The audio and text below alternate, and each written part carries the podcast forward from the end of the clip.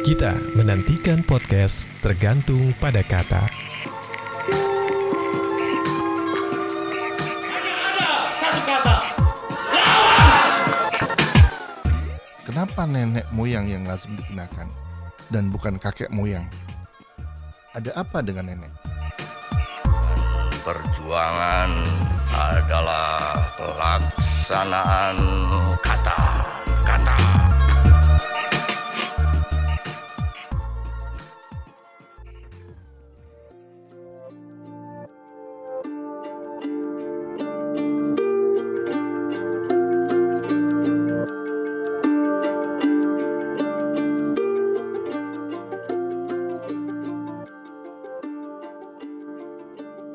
Nenek moyangku orang pelaut gemar mengarung luas samudra.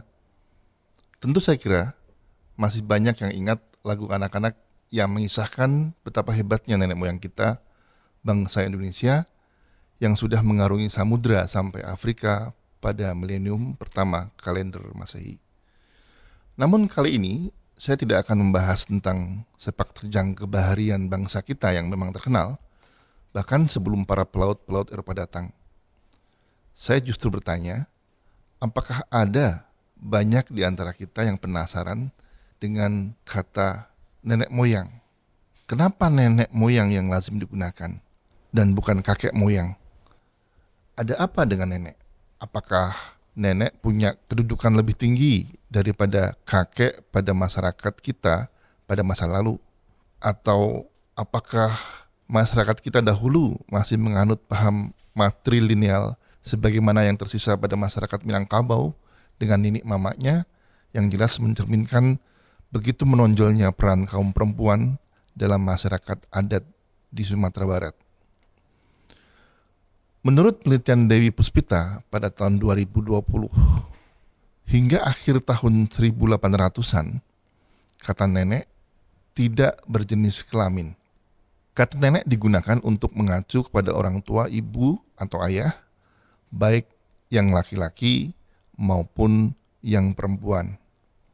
Sejajar dengan kata nenek itu ada kata eyang atau mbah dalam beberapa bahasa daerah yang juga tidak bergender. Menurut Edward dan Black pada tahun 1930, pada daftar pelafalan Cina untuk kata dan frasa Melayu yang dikumpulkan antara abad ke-15 dan abad ke-16, tidak juga didapati kata kakek. Kata yang ada adalah karakter yang berbunyi nini laci atau nenek laki-laki dengan padanan grandfather dan karakter yang berbunyi nini pulunpan atau nenek perempuan untuk grandmother. Kata laki-laki dan perempuan ditambahkan di belakang kata nini atau nenek untuk membedakan jenis kelamin.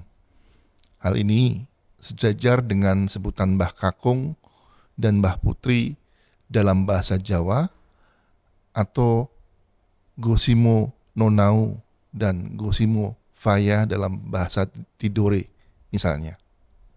Dalam daftar kosakata Italia Melayu yang disusun Antonia Pigafetta dan dikumpulkan pada sekitar tahun 1521 pun tidak ditemukan kata kakek.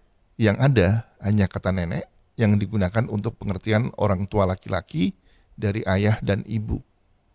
Sementara itu, dalam korpus Malay Concordance Project yang disusun Australian National University, tercatat bahwa kata kakek pertama kali muncul dalam manuskrip Hikayat Nakoda Asyik yang berangkat tahun 1870. Catatan itu menunjukkan adanya kecenderungan bahwa keperluan untuk menciptakan kosakata berjenis kelamin laki-laki pada tataran orang tua, ayah, dan ibu baru muncul setidak-tidaknya pada abad ke-19. Dalam bahasa Melayu yang kemudian menurunkan bahasa Indonesia, tidak adanya jenis kelamin pada kata kekerabatan kita tampaknya tidak hanya dapat ditelusuri pada kata nenek, tapi juga pada kata kekerabatan lainnya. Misalnya, kata kakak, adik, anak, dan cucu. Dalam catatan naskah lama, kata adik dan kakak sudah tercatat dalam hikayat-hikayat pada abad ke-16 dan 17 serta mempunyai makna yang tidak banyak berubah hingga pada pemakaiannya saat ini. Sama-sama tidak menunjukkan gender dari acuannya. Selain muncul secara berasingan atau sendiri-sendiri, kedua kata ini juga muncul berkombinasi dengan bentuk gabungan paling lazim seperti kakak beradik, adik kakak, dan kakak laki-laki. Sementara itu, untuk kata anak dan cucu, keduanya sudah tercatat muncul dalam prasasti Keping Tembaga Laguna yang berbahasa Melayu kuno. Dalam prasasti berangkat tahun 900 yang ditemukan di Laguna de Bay, Manila, Luzon, Filipina itu, keduanya, anak dan cucu, muncul berpasangan.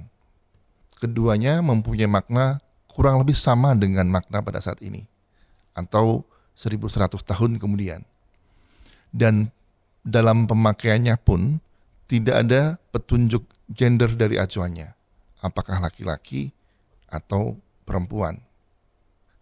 Kembali kepada kata nenek.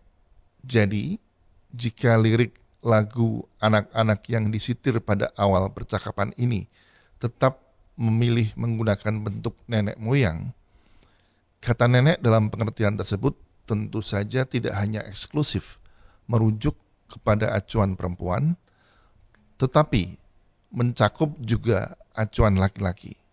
Sebagaimana yang ditunjukkan dalam bahasa lain di Nusantara, misalnya eyang dalam bahasa Jawa atau himo dalam bahasa Ternate.